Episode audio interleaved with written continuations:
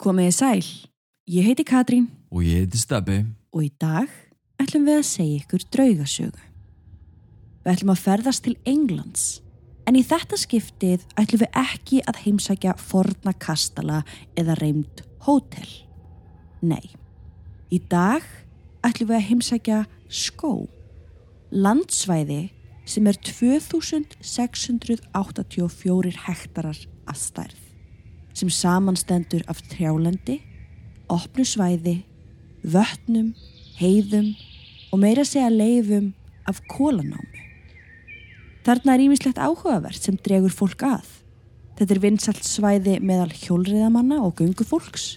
Fjölskyldur þyrpast þarna saman í lautarferðir og ekki skemmir fyrir að þarna sé stór leikvöllur fyrir börnin. En skóurinn á sér dekkri hlið sem allir heimamenn þekkja. Því inn á milli trjána leynast alls konar verur sem eru ekki af þessum heimi og þær eru alls ekkert feimnar við að láta sjá sig sumar hverjar. Þannig að um leið og sólinn sest eru fjölskyldunar farnar og hjólreðamennir komnir til síns heima. Því enginn vill vera á svæðinu þegar myrkrið skellur á.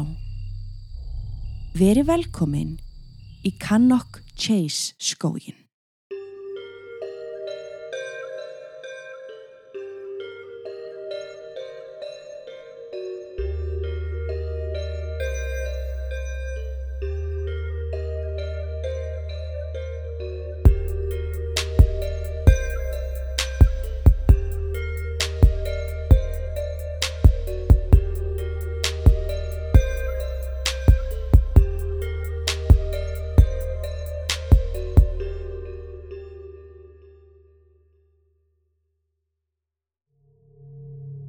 Við viljum minna á að draugasögurnar okkar eru ekki við hæfi barna yngri en 13 ára nema með leifi fullorna. Og með því hefjum við sögu dagsins.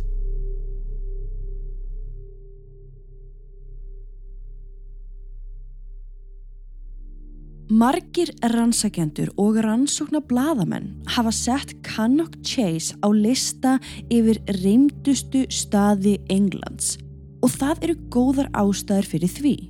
Mörg þúsund manns hafa orðið vitni af einhverju yfirnáttúrulegu þarna í skóinu og þá erum við ekki engöngu að tala um þennan típiska draug eins og hvítklættu konuna í trjánum. Við erum að tala um alls konar verur. Við ætlum að byrja á því að skoða byggingu sem kölluð er Sjökboró Hall. Hana er að finna í norð-austur jæðri skóarins og þessi bygging er talin vera byllandi reymd. Ég ætla að sína þið myndafinni steppi þannig að þú getur kannski útskýrt fyrir hlustundum okkar hvernig hún lítur út Já, en eins og vanalega þá setjum við mynd sem fylgir þættinum inn á draugasögur.com já þetta er eiginlega bara eins og blanda af hvítahúsinu og Taj Mahal. Þetta er risastórt. Þetta er eiginlega bara svona höll. Það er alveg átta held í súlur fyrir framann á svona granít marmara tröppum. Þetta er rosalega flott Ekkert smá. Og á undanförnum árum hefur þessi bygging verið notuð undir alls konar viðburði. Allt frá tónleikum til handverksýninga. En bakvið luktar dyr hafa sprottið upp sögur sem fá mestu efasemda menn til þess að trúa. Það eru ymsir lemdardómar sem fylgja byggingunni sem fara langt aftur í tíman. Tökum til dæmis sjálft nafnið. Sjökboró Hall. Sjök ber merkinguna djöfull eða yllur andi Já, og boró þýðir grafhísi. Á lóðinni er síðan minnisvarði sem skartar stöfunum O, U, O, S, Vaff, A, Vaff, Vaff. Mm Til þessa dags er enn ekki vitað hvað þessi stafaruna þýðir eða fyrir hvað hún stendur. Við erum að tala um að Charles Dickens og Charles Darwin reyndu báður að finna út hvað þessi minnisvarði þýtti en án árangus. Þeir gáfust upp. Já, En bara svona til gamans þá rakst ég á grein frá 2017 þar sem maður að nafni Massey sem er yfir öryggiskeslu bandaríkjana sagðist hafa fundið út hvað þessi stafaruna þýtti hluti. Ok, Hann vil meina að þarna séu upphafstafir í setningu á latínu sem er svona oro ut omnes sequantur viam ad veram vitam sem þýðir á ennsku I pray that all may follow the way to true life. áhugavert. Að ég byrð þess að margir fylgja þess að fara leiðina sannleikanum. Já, í rauninni. einhvern veginn. En eins og ég segi, þú veist, svo eru aðri sem segja bara nei, nei, þetta er ekkert, þú ert er búin- ekki málið. Nei, nei, Nei. Þú veist, ef þetta hefði verið svona auðvelt að þá hefði þessir miklu menn þarna á sínum tíma eflaust náða að finna út hvað þetta þýtti. á nefa. En þetta er samt, finnst mér alveg góð ágískun. Já, þetta er alveg skemmtilegt og ég meina komið með aðra hugmyndir. Akkurat. En inn í þessu dularfulla húsi hefur sérst til anda konu sem hétt Lady Harriet. Hún lést inn í húsinu þegar hún var að fæða barn og vitni segja að hún sé ennþá þarna. Ásamt henni er fyrirverandi ráðskona sögð ásækja eldhúsið. Starfsfólk heldur því fram að það heyri oft í henni ganga um gólf og einhverjir sverja fyrir það að hafa séðan að ganga fram hjá glugganum utan dýra. Næst ætlum við að skoða morðmál sem átti sér stað þarna í skóginum. Og það má vel vera að einhver ykkar þekkið söguna. En ég tel það samt nöðsilegt að skoða hana aðeins því það er ekki hægt að lesa neitt um þetta skólandi án þess að þetta mál poppi upp. Þessi morðmál hafa verið kölluð Cannock Chase morðin, A34 morðin og stundum Babies in the Ditch morðin. Maður sem hétt Raymond Leslie Morris rændi þremur ungum stúlkum á aldrinum 5-7 ára á árunum 1965 til 1967. Lík stúlknana fundust öll í Cannock Chase skóginum. Fyrst var það Julia Taylor. Klukkan var nýja kvöldi til þann annan desember árið 1964. Raymond lokkaði hana inn í bílinn sinn með því að segjast vera vinur mömmunar. Hann kallaði sig Len Frænda. Hann sagði henni að móðurinnar hafi beð hana um að sækjana til þess að þau getur farið saman og náð í jólagjafir hjá frænganar. Hann kerði með hana að sandhól við námubæin Bentley þar sem hann brauta henni kynfyrirslega, kyrt hana og hendinni síðan hálf naktri út úr bílnum í skurð. 50 mínútum síðar fannst hún en einstaklingurinn sem fann hana var hjólreðamaður. Hann sagði setna meir að hann hafi heyrt í einhverjum gráta áður en hann rakst á hana þarna í skurðinu. Sko þetta var fyrsta fórtalambið hans sem hann held eflust að hann hefði drepið en svo var ekki af því hún lifiði af. Ok, þannig að hún lést ekkert á spítalunum einhverju setna. Nei, þannig að þó að við séum að tala um að hann hafi rænt þremur stúlkum og Mhm. drepið þær, þá rænt hann samt í rauninni fleirum, en, en hún komst undan. ætli þetta sé bara fyrsta fórnalampið sem Já, að tala að þetta sé fyrsta fórnalambi. Ári síðar, þann 8. september árið 1965, hvarf Margaret Reynolds þegar hún var að ganga frá heimili sínu í skólan. Þegar hún kom síðan ekki heim, höfðu foreldrar hennar samband við skólan en fengu þær fréttir að hún hefði ekkert mætt í neina tíma eftir hádegi. Þarna áttu foreldrarnir sig á því að ekki væri allt með feldu og höfðu samband við laurugluna. Þremur mánuðum síðar, þann 30. desember, hverfur önnur ungstúlka sem heit Diana Joy Tift. Líkt á Margaret þó hvarf hún af götu sem var rétt hjá heimilennar. Það hafði síðast sést til hennar klukkan 2 þar sem hún var fyrir utan hús ömmu sinnar á leiðinni heim til sín. Hún held á lítilli bleikri plasttösku með hvítu bandi sem hún hafi fengið í jólagjöf. Fóreldrar hennar höfðu samband við lauruglu klukkan 7 um kvöldið og eins og með stúlkuna á undan þá hófst umfangsmikið leit þar sem hátti 2000 manns komu saman og verðlun voru auglist fyrir hvert þann sem geti hjálpað þeim að finna díunu. Býtu þannig að það var ekki eins og búið að finna Nei. Margaret Reynolds þarna á þessum tíma. Vá. En þann 12. janúar 1966 fannst líka með díunu tift. Maður sem hafi verið á kaninuveiðum í skóginum rakst á hana þar sem hún lá hálf nakin í grasinu. Við krupningu kom í ljós að hún hafi verið misnóttu kynferðislega og að endanum kæfð með hennar eigin anorak. Nakin líka með Margaret Reynolds fannst síðan skamt frá.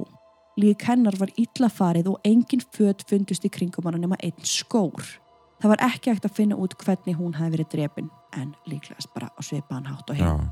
en líkið hefur verið svo illa farið. Mm Þann 14. janúar var það gert ofinbert að lauruglan væri að elda barnamorðingja sem geti drepið aftur hvað og hverju. Þann 19. ágúst 1967 lokkaði Raymond þriðju og síðustu stúlkuna í bílinn sinn, hinn að sjöra Kristín Darby. Kristín var með tveimur vinkonum sínum þegar Raymond stoppar hjá þeim og spyr þar til vegar. Það reyna að útskýra fyrir honum hvert hann ætti að fara en hann saðist fyrir svo rugglaður og spurði Kristín hvort hún gæti ekki komið með honum og sínt honum leiðina og síðan myndar skuttlinni aftur til vinkvenna sinna. Mammanar Kristín átti ekki bíl og hún var auðvitað bara barn þannig að henni fannst smá spennandi að fá að setjast upp í bíl. Vinkunar hennar horfðu á eftir henni en kona sem hafi verið þetta nálægt og séð þetta gerast ringdi strax í laurugluna. Hún gætt sagt þeim hvernig maðurinn leit út og hvernig bílan kerði.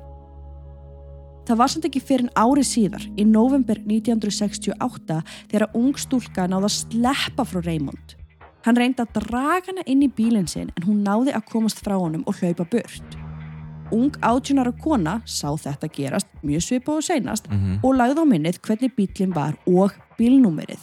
Hún hafði samband við lauruglu og þannig fundu þau hinn 39 ára Raymond Leslie Morris. Yes. Eftir þetta allt saman kom langt tímabil þar sem hann var handtekinn og ákjærður og dæmdur í lífstíðar fangelsi. Hann dó árið 2014 í fangelsi eftir að hafa verið lokaður inn í 45 ár. Hann var 84 ára að aldri. Eins og ég sagði þann, þá finnst mér mikilvægt að þekka þessa sögu þegar að tala þér um Cannock Chase skógin. Þó hún sé kannski ekki endilega tengt draugum Mæ.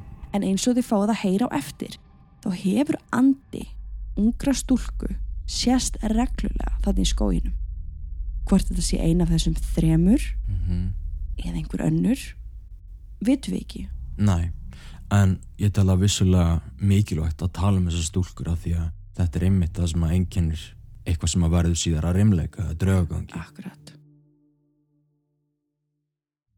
En þá er komið að öðrum frásögnum sem geta ekki talist vera neitt annað en yfirnáttúrulegar. Því í skóginum er talið vera portal sem sagt ingangur fyrir það látnu og alls konar verur inn og út úr okkar heim. Og ástæðan fyrir því að fólk telur svo vera er út af því að svo margir hafa orðið vitni af óhugulegum verum sem eiga sér enga eðlilega útskýringu. og byrjum á varúlfum Ok, ég ætla að lesa fyrir ykkur vittnisspurð frá mannesku sem að ringdi í laurugluna þegar að hún taldi sig hafa séð varúlf og þessi vittnisspurður hljómar svona. Ég á heima nálagt Cannock Chase og rétt í þessu var ég að lenda í svolítlu furðulegu. Út undan mér sá ég eitthvað sem líktist stórri mannesku í Chewbacca búning. Hvað sem þetta var, þá stóð hann kyrr eins og hann var í frosin. Ég leit til hans og kallaði vinalega. Hvað ert að gera hérna úti í svona búning? Er ekki allt í lagi með þig? Hann var aðeins nokkrum metrum frá mér þannig ég heyrði á sama tíma og ég var að kalla til hans að hann byrjaði að urra eða gefa frá sér furðuleg hljóð sem líktist urri. Ég fraus algjörlega. Síðan sá ég hvernig fæturnir á skeppnunni fór að reyfast og bakið á honum varð breyðara eins og vakstaræktamanni. Síðan hljóp hann burt. Hann hljóp ekki til mín, heldur frá mér. Hvað sem þetta var sem ég sá, þá var það stórt og loðið en það vantaði samt hárbletti sumstaðar á hann eins og hann hafi lent í slagsmálum. Hann hreyfði sig líka á undarlegan hátt eins og þegar hann leið til mín áður en ég kallaði þá leit hann á mig með öllum líkamannum svo litið eins og hann gæti ekki snúið haustnum án þess að snúa öxlunum líka. Jaha, Sko ég sel þess að sögu ekkert dýrar enn í kiftana en það er samt sem áður nöðsilegt að hafa opin huga því þetta er aðeins ein frásögn af mörgum sem hafa sagst séð einhverja svona skeppnu þarna í skóginum. ok, Það hafa meira segja verið pælingar um hvort að þarna sé á ferðinni hinn eini sanni Bigfoot eða Stórfótur. já, En eins og ég segi, þetta eru bara vangavildur. Já, já, það var margir náttúrulega séð Bigfoot, eða Mhm. sagst af að séðan í gegnum tíðina og allstaðar um heiminn Akkurat. og hérna, og ég meina ef það er einhver kenning við sem komin af öpum og einhvern veginn þróast frá þessu yfir í mannin, Já, já. þú veist, hver veit ég meina hann hefur líka náðst á vídeo Já, já. þannig, já, já, þetta er ekkit Þetta er bara, þetta er ekkit galið en, en er áhugavert. mjög áhugavert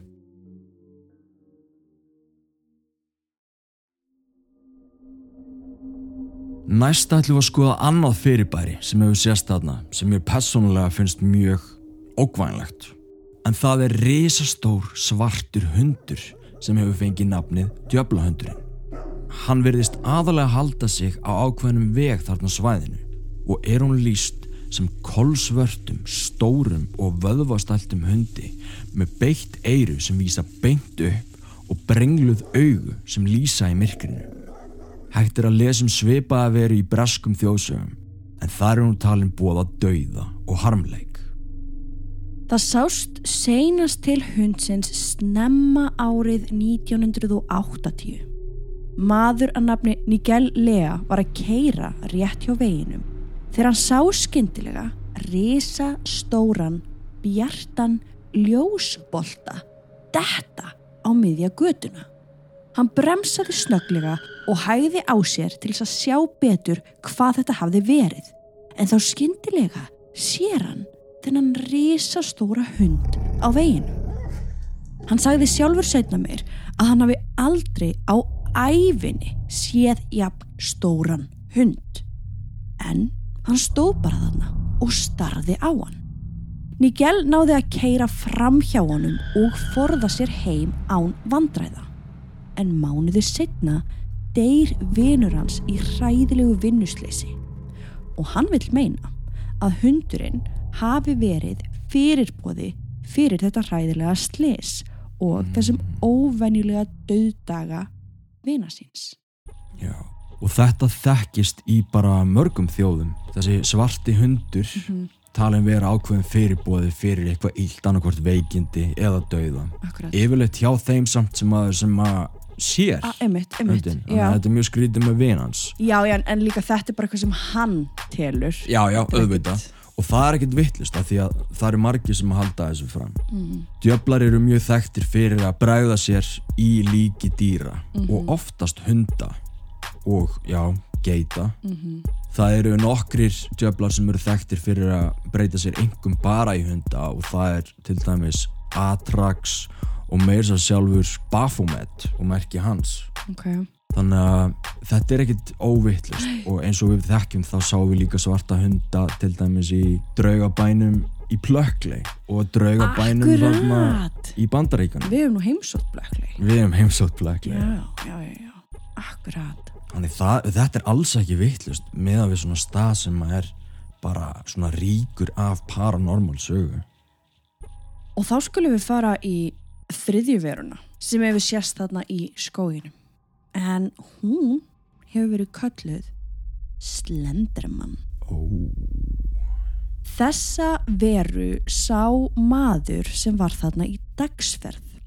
Hann er að skoða einhverja minnisvarða þegar þessi langi og mjói maður sem var svartklætur frá toppi til táar byrtist allt í einu út úr skóginum og gengur að honum. Maðurinn var svo hrættur að hann gat ekki hreift sig. Hann bara stóð og starði á þessa stóru veru og nú þegar hún nálgæðist sá hann að hún var klætt í gamaldags jakka, mögulega frá Viktoríu tímabilinu og var með stór rauð augu og stóran munn. Hann sá að tennurnar voru beittar og margar en áður en veran gatt grepið í hann kikkaði adrenalín inn og hann hljóp eins hratt og hann gat í burtu. Hann þorði ekki að snúa við fyrir hann var komin í hæfilega fjarlægð og þegar hann leit loksins sá hann engan. Þessi langi, mjói maður var horfin aftur inn í skógin.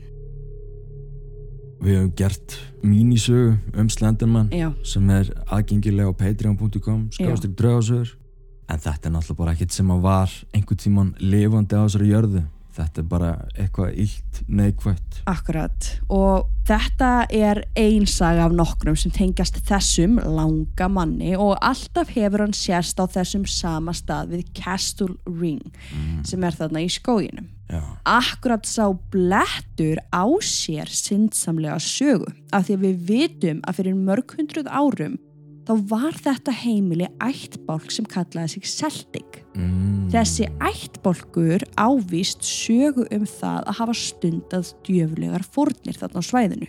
já. Það við að tala um blóðugar og hrottafengnar fórnir. þannig þetta er bara svolítið borlegjandi djöfuleg vera þannig Mhm. Þetta er aðeins nokkri vitnisburðir sem við erum búin að taka fyrir. Ofan á þetta hefur fólk talað um að sjá geimverur, geimskip, svínamann, sem sagt halva mann og halvt svín og svo óhugulega stóra ketti. Þetta síðan er þetta náttúrulega bara allt svolítið tengt, djöfulegum verum. Akkurat. Fólk hefur líka séð þarna látna hermenn hlaupa um skógin og þá aðalega á þeim stað þar sem minnisvarðar hermanna eru. Síðan hefur sést til gamals manns og munks sem báðir eru taldi vera tindir. En áður en fólk nær að veita þeim aðstóð eru þeir hortnir inn í skólandi. Þannig að það er nákvæmlega allt annað. Það er allt að gerast þarna. En nú erum við komin að því sem flestir hugsa til þegar talað er um skógin. Ok, Það er stúlkan með svörtu augun. Eins og ég sagði áðan, þá hafa margir séð þessa verur sem við vorum að tala um. En vittnisburðir um stúlkuna með svörtu augun má telja í þúsundum. wow. Það hafi verið gefnar út bækur um hana þar sem má lesa vittnisburð þeirra sem hafa séð hana ásamt ýmsum hugmyndum um hver hún gæti verið.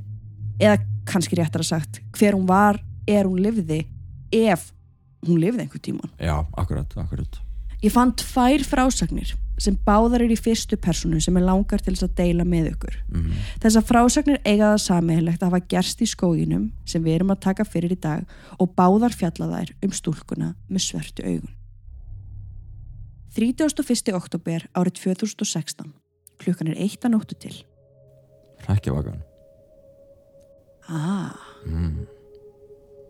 Ég var í göngutúr með hundi minn þegar ég sá svolítið sem enn þann dag í dag ég er hætt við að tala um. Við fylgdum göngustík sem var ansi illa farin. Það var gróður út um allt og alveg greinilegt að þennan stíg átti ekki að nota. En hundru minn elskaði þennan stað þannig að við heimsóttum hann reglulega. Við gengum hann alveg niður og í hægri höndinni held ég á kindli af því að það var svarta myrkur úti og ég hefði ekki getað gengið þetta öðruvísi. Eina ljósið í kringum mig var því frá kindlinum og stjörnunum á himninum. Eins og vanalega þá hljóp hundrum minn þangað þar sem gróðurinn var hvað mestur. Mögulega að leita kanínu eða einhverju álíka. Ég beigð við stígin á meðan. Hann var búin að vera óvinni lengi í burtu þannig ég kalla nafnans og segja hann að koma. Þá heyri ég í honum, svo litið frá mér. Hann gaf frá sér hljóð eins og hann væri hrættur. Ég kalla hann aftur og í þetta skiptið kom hann hlaupandi til mín. Nema eftir þetta þá var hann þétt uppið mig á meðan við gengum og það var mjög ólíkt honum. Hann var vanur að hlaupa undan en ekki skrýða eftir göngustygnum fyrir aftan mig. Hægt og rólega nálgaðist í staðin þar sem hundrum minn hafi verið á þegar ég heyrðan ylfra. Þannig ég lifti kindlinum hærra upp til þess að reyna að sjá hvað væri þarna. Hvort þetta hafi verið refur eða eitthvað stærra dýr sem hefði hrætt hann. En í staðin fyrir að sjá dýr, þá sá ég barn. Beint á móti mér stó lítil stelpa, kannski að aldri. Mér langar til þess að geta sagt að hún hafi litið út eins og hvert annað barn, en ég bara get ekki sagt það. Ég sá það strax að hún var eitthvað öðruvísi. Húðin hennar var skjanna hvít og andlit hennar var lust við allar tilfinningar. Ég sagði ekki orð og ekki hún heldur. Ég bara stóð þarna, alveg kjur og lísti ljósinu á hana. Ég vissi ekki almennilega hvað ég ætti að gera. Allt í einu slöknaði á kindlinum og ég var skilin eftir í svarta myrkri. Ég reyndi að íta á takkan til þess að kveikja honum aftur en ekkert gerðist. Skyndilega fann ég eitthvað snerta hönd mína. Ég held að veri hundurinn þannig ég beigi mig aðeins niður og akkurat á þeim tíma þá kviknar á kindlinum aftur. En um leið og ég sá hvað var fyrir fram að mig, datt ég aftur fyrir mig. Littla stúlkan stóð beint að móti mér með útrétta hönd. Á sama tíma og ég datt aftur fyrir mig spyrja hana hver hún væri. en stúlkan saði ekki neitt. Hún færði sér nær mér og ég fann hvernig ísköld hönd hennar kom við mína. Á þessu augnabliki þegar hún var komin svona nálægt mér sá ég að augun hennar voru kolsvört. Engin litur, ekkert hvítt, bara allt svart, eins og tvær hólur í andlitun hennar. Ég man að ég öskraði eitthvað á sama tíma og hundurinn fór að gelta og þó allt í einu hvarf stúlkan. En málið er að það er ekki eins og hún hafi hlupið í burtu. Hún skaust upp í loft og hvarf eins og eitthvað hafi sogað hana til sín. En þegar ég leit upp sá ég ekkert óðurilegt. Vá, þetta er óhugulegt. Þetta er alveg frásögn og hún talar um með mitt að stúlkan hafi horfið einhvern veginn upp í loft. Mm Við gáðum út mánudags mínisögu hérna játbreytateinarnir. Alveg Og þar gerðist nákvæmlega það sama. Hann sér hvítklættu konuna Mm og svo sér hann Skjótast upp. skjótast upp í loft. Já, þetta er undarlegt. Mér fannst rosalega merkilegt að þetta var einmitt frásög sem að gerist 31. oktober sem er náttúrulega bara þegar að skilin milli heim okkar lifandi og andaheimsins er hvað þinnstur og líka einn af bara hátíðistögum tjöfla, dýrkanda. Rétt. Ég, veist, ég fattaði það ekki þegar ég var að skrifa þetta. Nei. Ég bara skrifaði niður dagsetninguna Já, já, svo bara held ég áfram, pældi ekki eins nýju þessu. en stórmerkilegt. Þetta er, þetta er rosalega merkilegt og það er önnur saga Já, þar sem sást til þessara stúlku og hún gerist 22. oktober mm aftur í oktober já svipum tíma, setni hluta oktober. árið 2018 og klukkan þarna er 01.50 Ok. þannig að 50 mínútum setna heldur en fyrir sagan okkar er að gerast þetta er alltaf svipuðum tíma Ah, ok. Já, vin sem býr rétt hjá skóginum Íbúðarhúsið sem hann býr í er nálagt risastóru víðitré og þegar maður leit út um gluggan hjá honum þá sá maður greinilega þetta tré. Ég veit ekki af hverju en ég var alltaf hálf hrættur við þetta tré. Mér fannst það óugulegt. Allavega. Eitt kvöldi var ég búin að vera heima hjá þessum vini mínum í nokkra tíma þegar ég ákvaða að það væri tími til komin til þess að halda heim. Þannig ég kvatti vin minn, hljóp niður stigan og byrjaði að ganga af stað. Ég fylgdi göngustíknum sem leiti undir tréð og út af því ég hafði alltaf verið smeykur við þetta tréð þá horfði ég vel í kringum mig þegar ég nálgæðist það. En um leið og ég var komin alveg að því þá allt í einu fæ ég þessa ónótar tilfinningu í magan. Mér varð óglatt. Ég veit ekki af hverju ég fekk þessa tilfinningu í magan en mér var það ílt að ég ákvaða að stoppa. Og þegar ég leiti upp í tréð þá sá ég hana. Í trénu satt lítil stúlka með svört augu. Hún bara satt þarna og danglaði fótunum. Mér fannst ég sjá að hún var ekki klætt í neina skó, bara skítugan rifin kjól. En ég sá andlitið hennar greinilega út af ljósastörunum í kring. Ég hafði heyrt um þessa stúlku og að fólk sem hafði séð hana hafi líst því þannig að þegar hún horfi á þig þá væri eins og hún væri að stara inn í sálina þína. En það er nákvæmlega þannig sem mér leið. Mér leið eins og heimurum var í frosinn, eins og gjörðin hætti að snúast. Þarna voru bara ég og hún.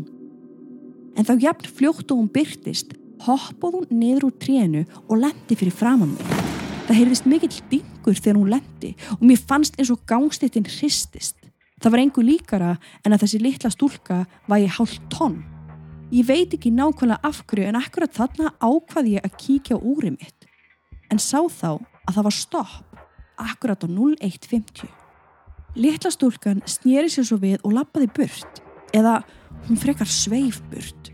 Þegar hún var komin nokkra metra frá mér þá snýr hún sér allt í einu við og segir hátt og skýrt. Kondi þessa leið? Ég var kannski stjarfur af hræðslu en ég vissi að ég væri ekki að fara að eldana.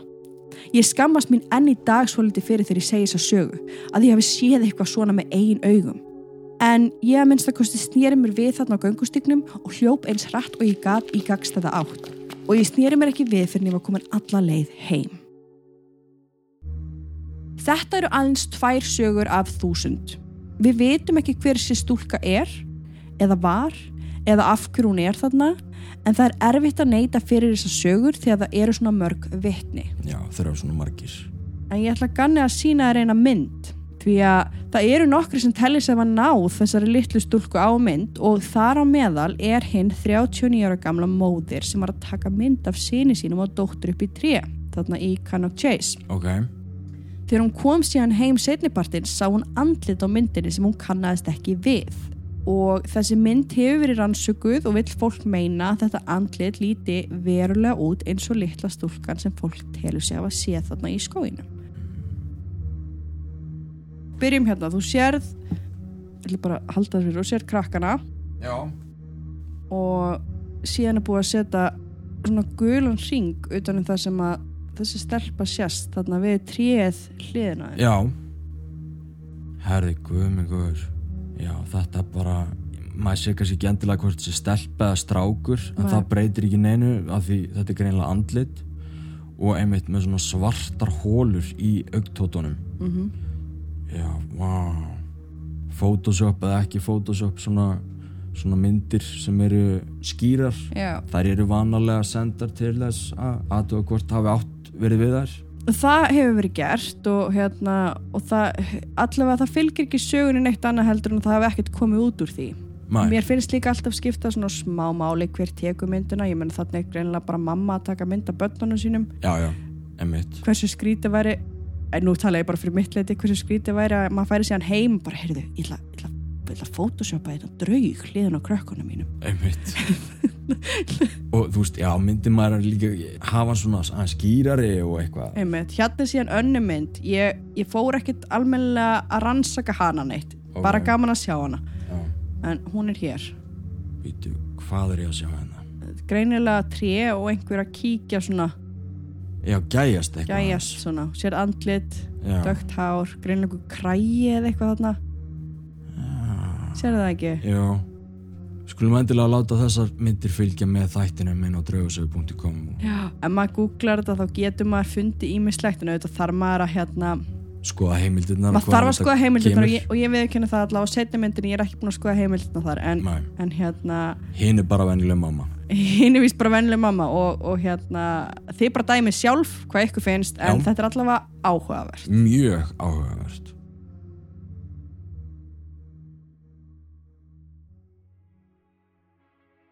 Við vonum að þið hafið haft gaman á draugasögu vikunar. Aftur minnum við á myndirnar sem fylgja öllum okkar þáttum inn á draugasögur.com og ef þú vilt fá fleiri draugasögur á viku, hlusta á áhugaverð viðtöl við heitustu paranormal rannsakundur í heiminum og sjá ótrúlega sönnagögg sem við höfum náð í okkar rannsóknum og skaltu endilega kíkja á áskriftasíðan okkar og sjá hvort hún heitli þig ekki inn á patreon.com skástrík draugasögur. Við setjum minn linkin hér að neðan. Minnum líka á sannar íslenskar draugasögur sem er hitt podcastu okkar sem gefir út á förstu dögum klukkan 12.00. En ef þú átt einhver tíman leið í Kannok Chase skógin, þá mælum við með því að þú hafir það í huga að þetta er þeirra skóur og þú ert bara gestur.